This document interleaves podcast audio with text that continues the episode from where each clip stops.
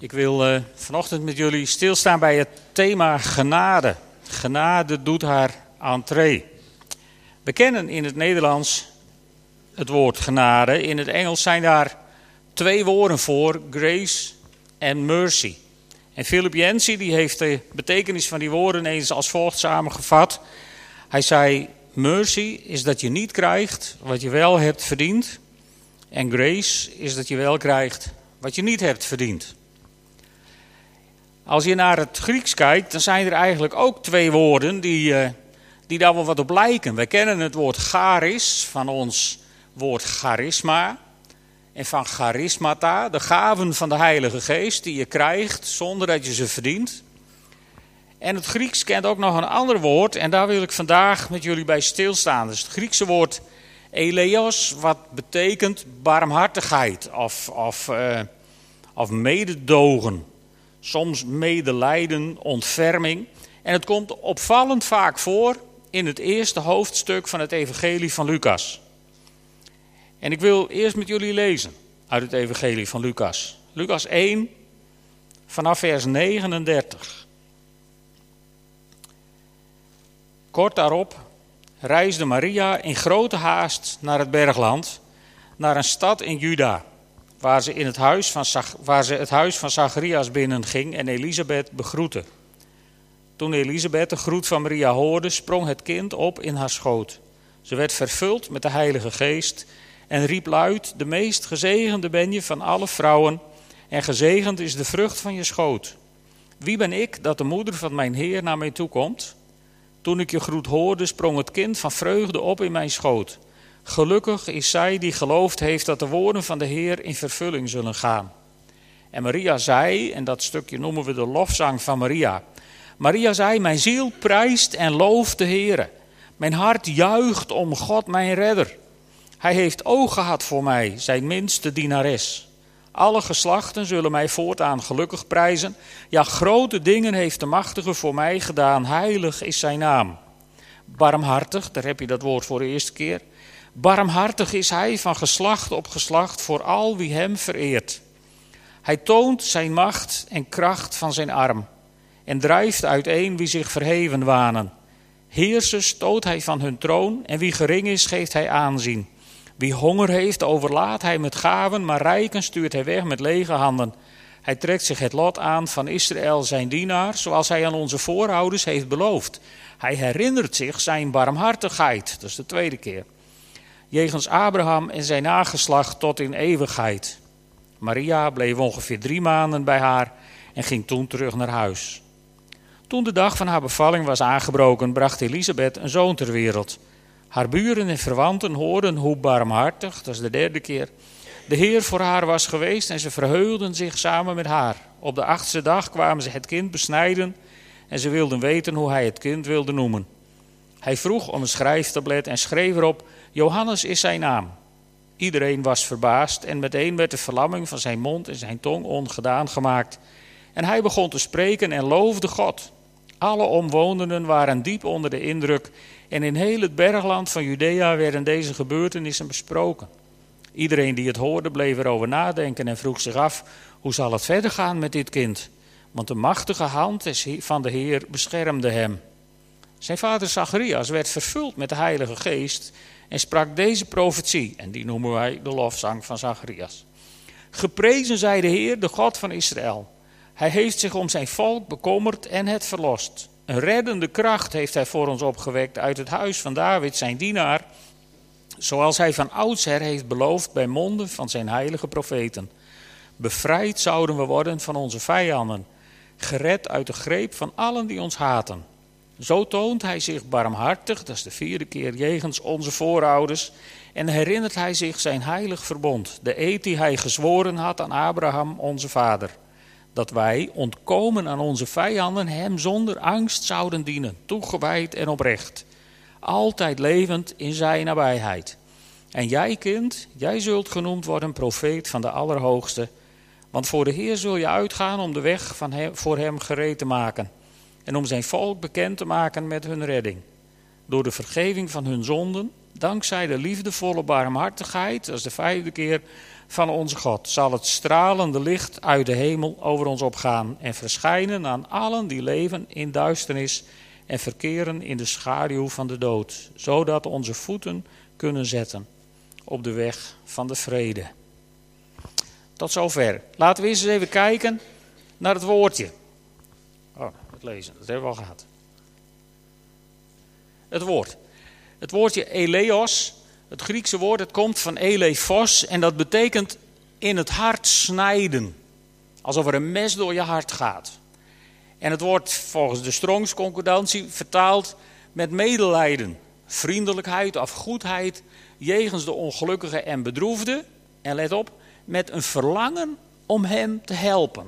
Dat is nou precies waar God staat ten opzichte van ons.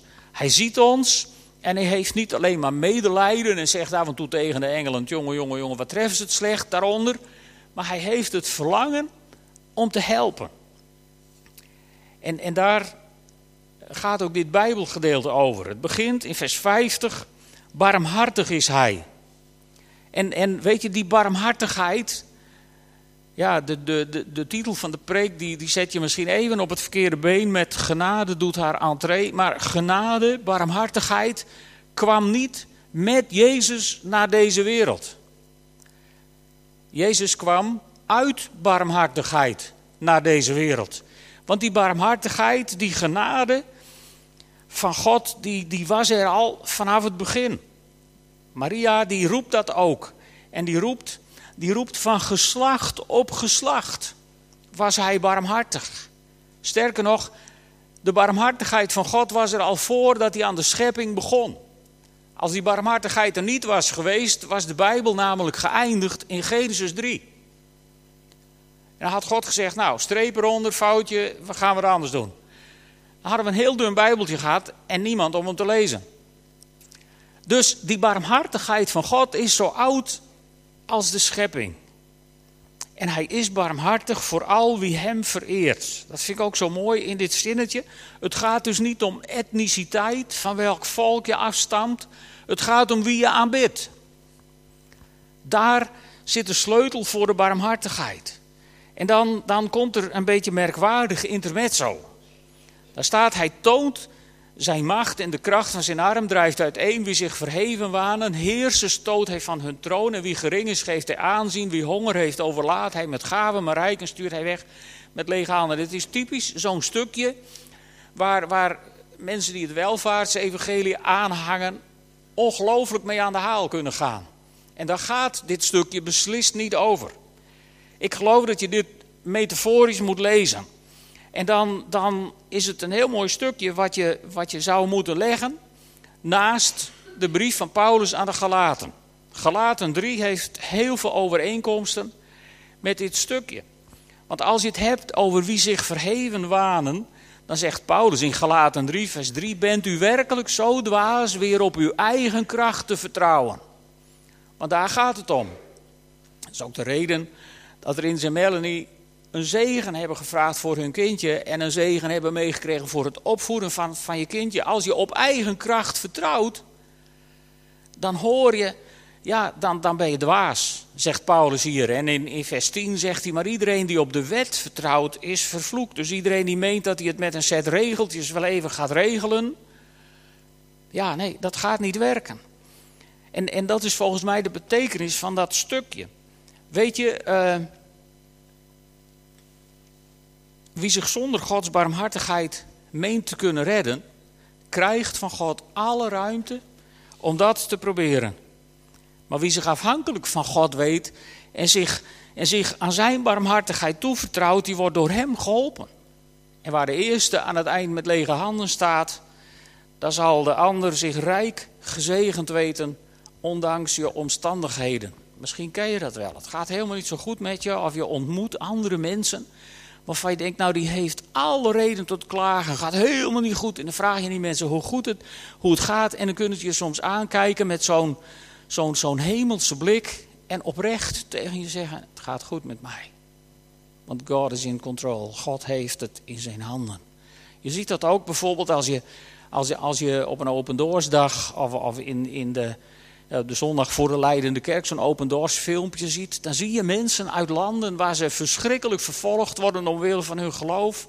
Waarvan je zou denken van nou als iemand vraagt hoe gaat het met je, dan kun je alleen maar zeggen nou ellendig, waardeloos en hopeloos. En dan kijken die mensen je aan met een blik als, alsof je iets hemels in hun ogen ziet. En dan hebben ze ook nog een glimlach op hun gezicht. En dan komt er altijd een verhaal waar de naam van God in geprezen wordt. Bijzonder. Maar dat is wat er gebeurt als je, als je samen met God door het leven gaat. En dan het volgende stukje. Daar staat, hij trekt zich het lot aan van Israël zijn dienaar, zoals hij aan onze voorouders heeft beloofd. Hij herinnert zich zijn barmhartigheid jegens Abraham en zijn nageslacht tot in eeuwigheid. Dus God is Israël niet vergeten. Laten wij dat ook niet vergeten. God, God herinnert zich zijn verbond met Israël tot in eeuwigheid. Maar het bijzondere hiervan is dat wij daarin mogen meedelen. En dan kom ik weer bij, bij Galaten. Als God dat verbond met Abraham en zijn nageslacht tot in eeuwigheid herinnert, dan schrijft Paulus aan de Galaten, u ziet dus dat zij die geloven kinderen van Abraham zijn. Want door het geloof in Jezus Christus bent u allen kinderen van God, zegt hij een stukje verder. En omdat u Christus toebehoort, bent u nakomelingen van Abraham, erfgenamen volgens de belofte. Dus wij zijn mede-erfgenamen in dit verhaal geworden. En als God zich dat verbond tot in eeuwigheid herinnert, herinnert hij zich jou tot in eeuwigheid. Niet in plaats van Israël, maar samen met Israël. Dat is wat Paulus hier aan ons uitlegt. Dus zo mogen wij ook meedoen. En, en dat zijn prachtige woorden uit die lofzang van Maria. En dan komt er zo'n klein stukje tussen die twee lofzangen. Het is eigenlijk een heel mooi zinnetje. Daar staat haar buren en verwanten hoorden hoe barmhartig de Heer voor haar was geweest en ze verheugden zich samen met haar. En mijn vraag is, kunnen jullie dat ook? Kun je je verheugen met iemand anders die genade van God ontvangt? Met iemand die de barmhartigheid van God ontvangt? Weet je, ik heb soms de indruk dat wij christenen veel meer lijken op die, op die mensen uit Matthäus 20. In Matthäus 20, vers 1 tot 15 vertelt Jezus een gelijkenis over een, een eigenaar van een, uh, van, van een uh, wijngaard. En die haalt s morgens heel vroeg haalt die arbeiders van, de, van, zeg maar, van het arbeidsbureau. En die mogen in de wijngaard werken. En rond de koffie haalt hij nog een keer een groepje. En om een uur of twaalf haalt hij nog eens een ploegje. En smiddags met de thee haalt hij nog een clubje. Die mogen ook nog heel even werken. En dan krijgen ze hun salaris aan het eind.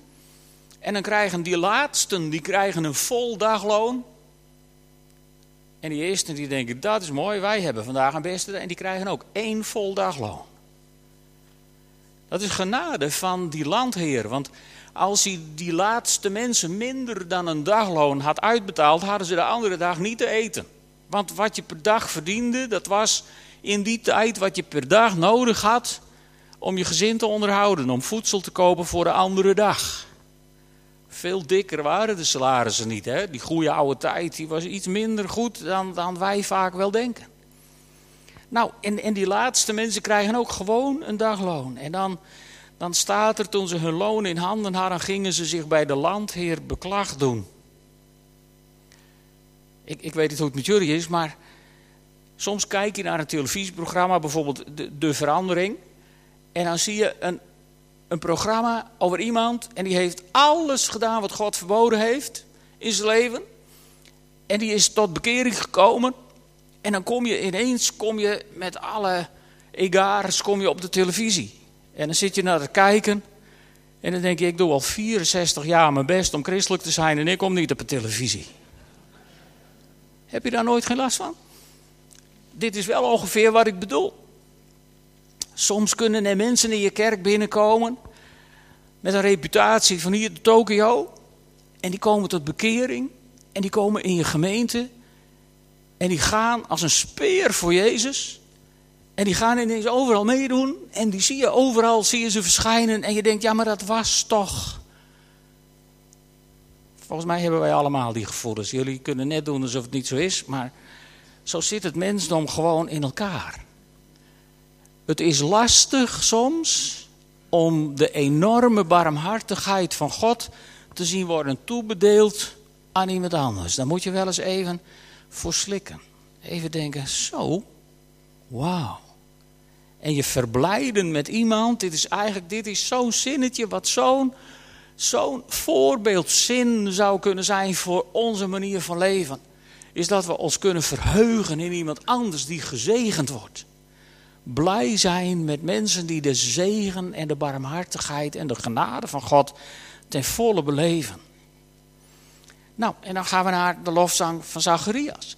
Zacharias die sprak een profetie. En hij profeteert nogal wat. Hij begint met geprezen zij de Heer, de God van Israël. Hij heeft zich om zijn volk bekommerd. En weet je, dat volk, daar horen wij ook bij. Zoals we in Galaten 3 hebben kunnen zien. Maar je kunt dat ook heel mooi zien in de brief die Paulus schrijft aan de Romeinen. Daar heeft hij het over het beroemde verhaal van de olijfboom. Wat heel veel gelovigen wel kennen. Paulus die zegt, van de olijfboom zijn sommige takken afgebroken. En jullie als loten van een wilde olijfboom zijn tussen de overgebleven takken geënt. Volkomen waanzin. Geen enkele boer bij zijn volle bestand, geen enkele olijfbomenbouwer zou de goede takken van de boom halen en daar wilde takken, waar geen olijven aankomen, ertussen zetten. Volkomen achterlijk is dit. Maar goed, wij zijn daar door de barmhartigheid van God, zijn wij daartussen geplaatst. En dan zegt Paulus, je moet je niet boven de takken verheffen, want als je dat goed, als je dat doet, moet je je goed bedenken dat wij niet de wortel dragen, maar de wortel ons. Dus als je bidt voor de vrede van Jeruzalem, als je bidt voor een zegen op Israël, is dat puur lijfsbehoud. Want als de wortel doodgaat, gaat bij een boom normaal de tak ook dood die erop staat. Je bent kansloos zonder de wortel. Belangrijk. En, en Zacharias die profiteert dat. En dan gaat hij verder en dan zegt hij: Een reddende kracht heeft hij, God dus, voor ons opgewekt uit het huis van David. En dan heeft hij het onmiskenbaar over Jezus. Dus dit was een profetie, want Jezus was er nog niet. Jezus was nog in de buik van Maria. En, en het is een reddende kracht voor ons. En het mooie is dat Jezus daar later heel vrijmoedig over spreekt. Als hij spreekt met de Samaritaanse vrouw bij de, bij de put, dat staat in Johannes 4. Dan zegt hij tegen die vrouw op een gegeven moment: Jullie weten niet wat je vereert, maar wij weten dat wel, want de redding komt immers van de Joden. Kort daarop erkent ze dat hij de Messias is en dat hij haar redder is. En daardoor wordt ze behouden en komt ze tot geloof. Ook zo'n vrouw die alles gedaan heeft wat God verboden heeft. En ongelooflijk in de barmhartigheid van God komt te staan. Een geweldig verhaal uit de Bijbel. En dan in vers 70, daar zegt Zacharias, zoals God dus van oudsher heeft beloofd bij monden van zijn heilige profeten. En het mooie is, hier verwijst hij naar het Oude Testament. Weet je, de, de, de jonge kerk die ontstond zo in de eerste eeuw, zeg maar, die, die, die had geen Bijbel zoals wij. Die had alleen het Oude Testament. Dus als je denkt van nou op grond van het Oude Testament kun je de Christus niet prediken, dan heb je het vreselijk mis. Want de hele eerste kerk is gepredikt op grond van het Oude Testament. Er was niet meer. En, en als Jezus na zijn opstanding met de Emmausgangers op weg is, dan staat er op een gegeven moment zo mooi, hij opende de schriften en hij begon bij Mozes. En met andere woorden, hij gebruikt het hele Oude Testament om hen, om hen uit te leggen dat hij de Messias was en dat alles wat er gebeurd is echt moest gebeuren. En aan het eind van Matthäus staat dat Jezus hun verstand opende voor het begrijpen van de schriften. En toen opende die niet hun verstand voor het begrijpen van het Nieuwe Testament, wat nog geschreven moest worden, maar voor het begrijpen van het Oude Testament. En Zacharias zegt, nee, de heilige profeten, die hebben dit beloofd. Dus Jezus was al lang aangekondigd. En dan komt er zo'n mooi zinnetje. Bevrijd zouden we worden van onze vijanden, gered uit de greep van allen die ons haten. Dan kom ik bij een paar teksten die we al eerder gebruikt hebben de afgelopen weken. Bevrijd en gered. In 1 Korinthe 15 zegt Paulus, dan komt het einde en draagt hij het koningschap over aan God de Vader, nadat hij alle heerschappijen, elke macht en kracht vernietigd heeft. Want hij moet koning zijn totdat God alle vijanden aan zijn voeten heeft gelegd. En we kennen ook die zin uit Colossensen 2, vers 15. God heeft zich ontdaan van de machten en de krachten. Hij heeft hen openlijk te schande gemaakt en in Christus over hen getriomfeerd. Dus God heeft gewonnen. Door Jezus Christus. En daardoor zijn wij bevrijd en gered. Maar daar staat nog een heel klein, klein leuk stukje bij onder. Zacharias die zegt, we zullen bevrijd worden van onze vijanden.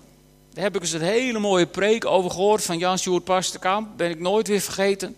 En Jan-Sjoerd Pasterkamp zei, er staat niet dat Jezus is gekomen om alle probleempjes voor ons op te lossen. En als je een slechte eigenschap hebt en, en, je houding daarbij is van, nou ja, ja, zo ben ik nou één keer.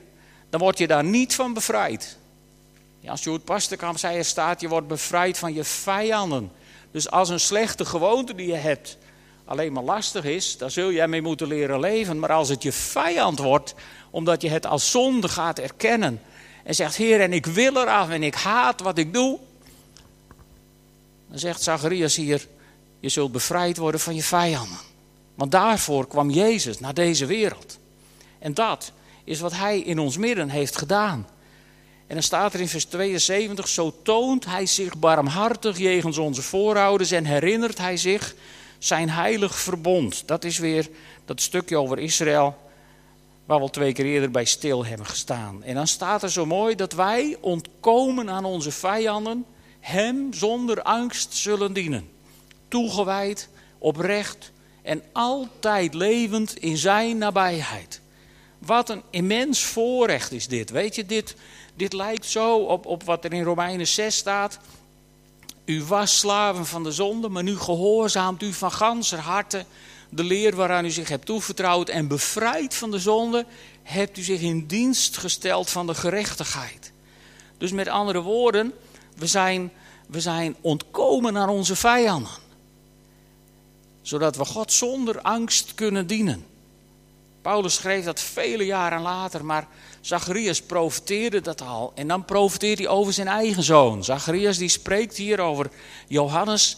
Jij kind zult genoemd worden profeet van de Allerhoogste. Want voor de Heer zul je uitgaan om de weg voor hem gereed te maken. En om zijn volk bekend te maken met redding door de vergeving van hun zonden. Prachtige woorden. En dan zegt hij, dankzij de liefdevolle barmhartigheid dat is weer dat feit dat het God door de ziel sneed als hij naar deze wereld keek. Dankzij de liefdevolle barmhartigheid van onze God zal het stralende licht uit de hemel over ons opgaan. En Jezus wint er geen doekjes om als hij aan zijn bediening is begonnen. Want dan zegt hij in Johannes 8, vers 12: Ik ben het licht voor de wereld. En wie mij volgt, loopt nooit meer in de duisternis, maar heeft licht dat leven geeft. En in hoofdstuk 12, dan zegt hij nog een keer: Ik ben het licht dat naar de wereld is gekomen, opdat iedereen die in mij gelooft niet meer in de duisternis is. En het volgende vers, dat gaat dan over die duisternis. Daar staat dat het licht van de wereld verschijnen zal aan allen die leven in duisternis en verkeren in de schaduw van de dood. En daar heeft hij ons voor nodig, jou voor nodig. Want Jezus zegt: in Matthäus 5, vers 14. Jullie zijn het licht in de wereld. Jezus is hier een aantal jaren geweest en hij is gekruisigd, gestorven, begraven, opgevaren ten hemel. En daar zit hij aan de rechterhand van God. Maar heel veel mensen leven nog in de duisternis, in de schaduw van de dood. En daarvoor zijn wij het licht van de wereld, ambassadeurs van Gods koninkrijk. Het is belangrijk dat we ons dat bewust zijn. Weet je, want het licht, als je ergens in het donker licht aansteekt, dan begint dat licht niet uitgebreid tegen je te preken. Dat zeurt je niet de oren van het hoofd dat je je moet bekeren. Dat licht, dat is er gewoon. En dat geeft gewoon licht in de duisternis. En, en als Jezus dat hier zo tegen ons zegt, is dat volgens mij een rol die hij ook op ons legt. Wees er gewoon. Wees licht in de duisternis van mensen. Wees er voor ze. En op het moment dat ze je vragen gaan stellen, heb je nog tijd genoeg om goede antwoorden te geven en te vertellen over wat jou beweegt en te vertellen over jouw relatie met Jezus. Wees het licht in de wereld. En dan, dan eindigt Zacharias zo mooi, opdat we onze voeten kunnen zetten op de weg van de vrede. En weet je, dat, dat laatste, dat brengt mij bij een prachtig voorbeeld over barmhartigheid. Barmhartigheid in de praktijk, ook uit het kerstverhaal gegrepen. Uit Matthäus 1. Heel mooi verhaal. Eigenlijk ook weer niet. Want ja, Jozef en Maria, die hadden verkering, die waren verloofd. Het was allemaal afgesproken in de familie dat ze met elkaar zouden trouwen. Alles was geregeld. En het zal je maar gebeuren. Het zal je maar gebeuren dat je in deze situatie bent en je verloofde, die komt bij je, ik moet je wat vertellen, ik ben uh, zwanger. Maar niet wat je denkt, het is van de Heilige Geest. Ja, dag. Dat gelooft toch geen hond? Jozef wist één ding heel zeker: het is niet van mij. Zoveel biologieles had hij waarschijnlijk wel gehad in zijn leven. Dus Jozef komt in een enorme worsteling terecht. En als Jozef zijn recht had gehaald, als Jozef had gedaan wat in de Bijbel staat, in het Oude Testament, dan was hij met Maria onder de arm naar de oudsten van de stad gestapt. En dan had hij gezegd, nou moet je toch eens kijken. Wij zijn verloofd, dat weten jullie allemaal, dat is allemaal besproken, alles is geregeld. En nou is ze zwanger van een ander. Dan had het hele dorp Jozef doodzielig gevonden en Maria hadden ze gestenigd. En dan was het probleem wettelijk geregeld. Bijbels opgelost. Maar Jozef kiest voor een ongelooflijk onbijbelse oplossing. Want er staat, Jozef was een rechtschapen man. Hij wilde haar niet in opspraak brengen. Ja, het is, volgens mij is dit heel zwak vertaald. Hij wilde haar niet gestenigd zien. En dacht erover haar in het geheim te verstoten. En dan waren de rollen natuurlijk omgekeerd. Want dan had Maria door Nazareth kunnen wandelen met haar groeiende buik. En dan hadden de mensen gezegd: Wat is het sneu niet voor het meisje? En die rotzak die heeft haar in de steek gelaten. Hè? Die Jozef, ze moesten ze zulken. Dat is waar Jozef voor kiest. Jozef kiest ervoor om de schande te dragen, zodat Maria gespaard zal worden. God heeft wel geweten hè, wie hij als vader uitkoos voor, voor zijn zoon. Jezus die later ook de schande voor ons zou dragen, opdat wij zouden leven. Jozef koos ervoor om de schande te dragen, opdat Maria zou leven. Dat is barmhartigheid in de praktijk. En dat is wat God ook van ons vraagt. In Matthäus 9, vers 13, daar zegt Jezus, bedenk eens goed wat dit wil zeggen. Barmhartigheid wil ik en geen offers. Barmhartigheid wil ik en geen offers. Ik ben niet gekomen om rechtvaardigen te roepen, maar zondaars. Dus zij komen in de verandering en wij niet. En dat is een opdracht die Jezus aan al zijn leerlingen meegeeft. Barmhartigheid werk en geen offers. En hoe ziet dat er dan uit? En ik wil eindigen met een, een prachtig praktijkvoorbeeld uit het leven van Jezus. Dat staat in Lucas 7. Jezus is met zijn leerlingen onderweg en hij komt bij een klein stadje. Nain heet dat stadje. En toevallig, nou nee, toeval bestaat niet. Maar iedereen dacht toevallig, als Jezus daar langs komt, komt er een rouwstoet uit het stadje. Een doodzielige moeder, een weduwe, die was op weg om haar enige zoon te begraven. Maar dan moet je een klein beetje weten van de sociale voorzieningen in die tijd. Er waren geen wettelijke regelingen. Er was ook geen overheid die dingen voor je regelde. Als mens had je één hoop en dat waren kinderen. Want die kinderen die moesten voor je zorgen als je ouder werd en niet meer kon.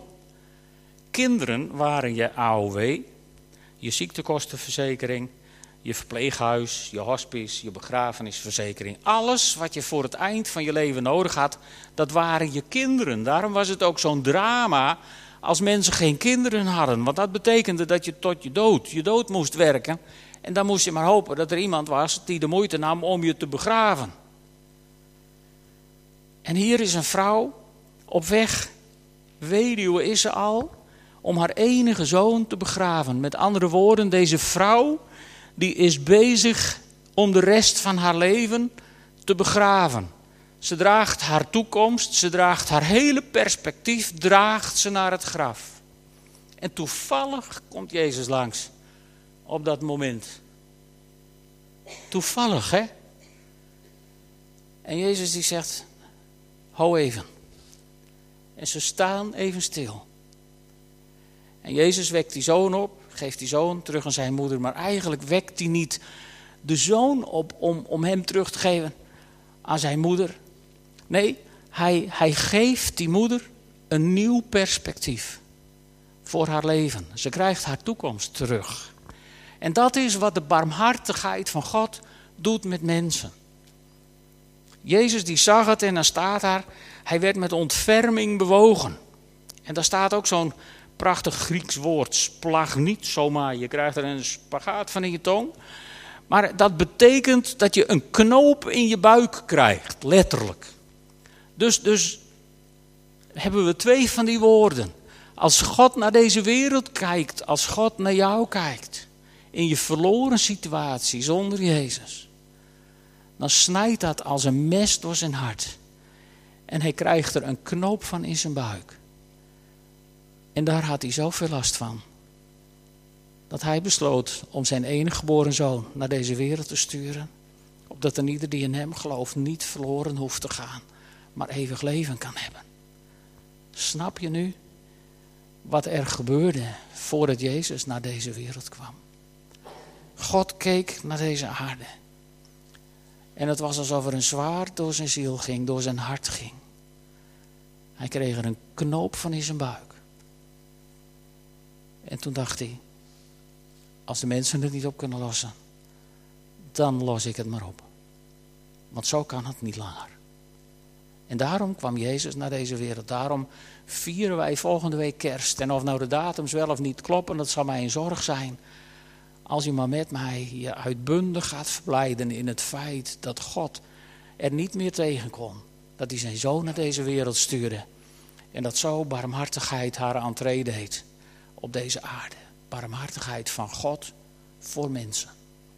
Zullen we samen bidden? Vader God, dank u wel dat u, dat u zo bewogen met ons was. Dank u wel, Heer, dat het, dat het u als een, als een zwaar door het hart ging. Dat u een knoop in uw buik kreeg toen u naar ons keek. En dat u toen besloot om een redder naar deze wereld te sturen, Heere God. Wat heeft dat u veel gekost? Dat hadden wij nooit kunnen bedenken.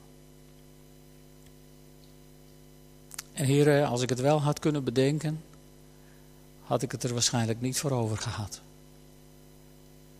Maar goddank bent u mij niet en greep u in in deze wereld. Heer, ik dank u wel voor dat offer van uw zoon. En, en ik bid u, Heer, als we in de komende dagen kerstfeest vieren, dat we, dat we ons dat bewust zullen zijn, waar voor u naar deze wereld kwam. Heer, want u kwam uit de hemelse sfeer en u kwam, u kwam uit de volmaaktheid naar deze gebroken wereld. U kwam van een plek zonder zonde naar een wereld die ervan doordrenkt was. Heer, wat had u er veel voor over? Daar dank ik u voor. Daar prijs ik uw naam voor. In Jezus' naam. Amen.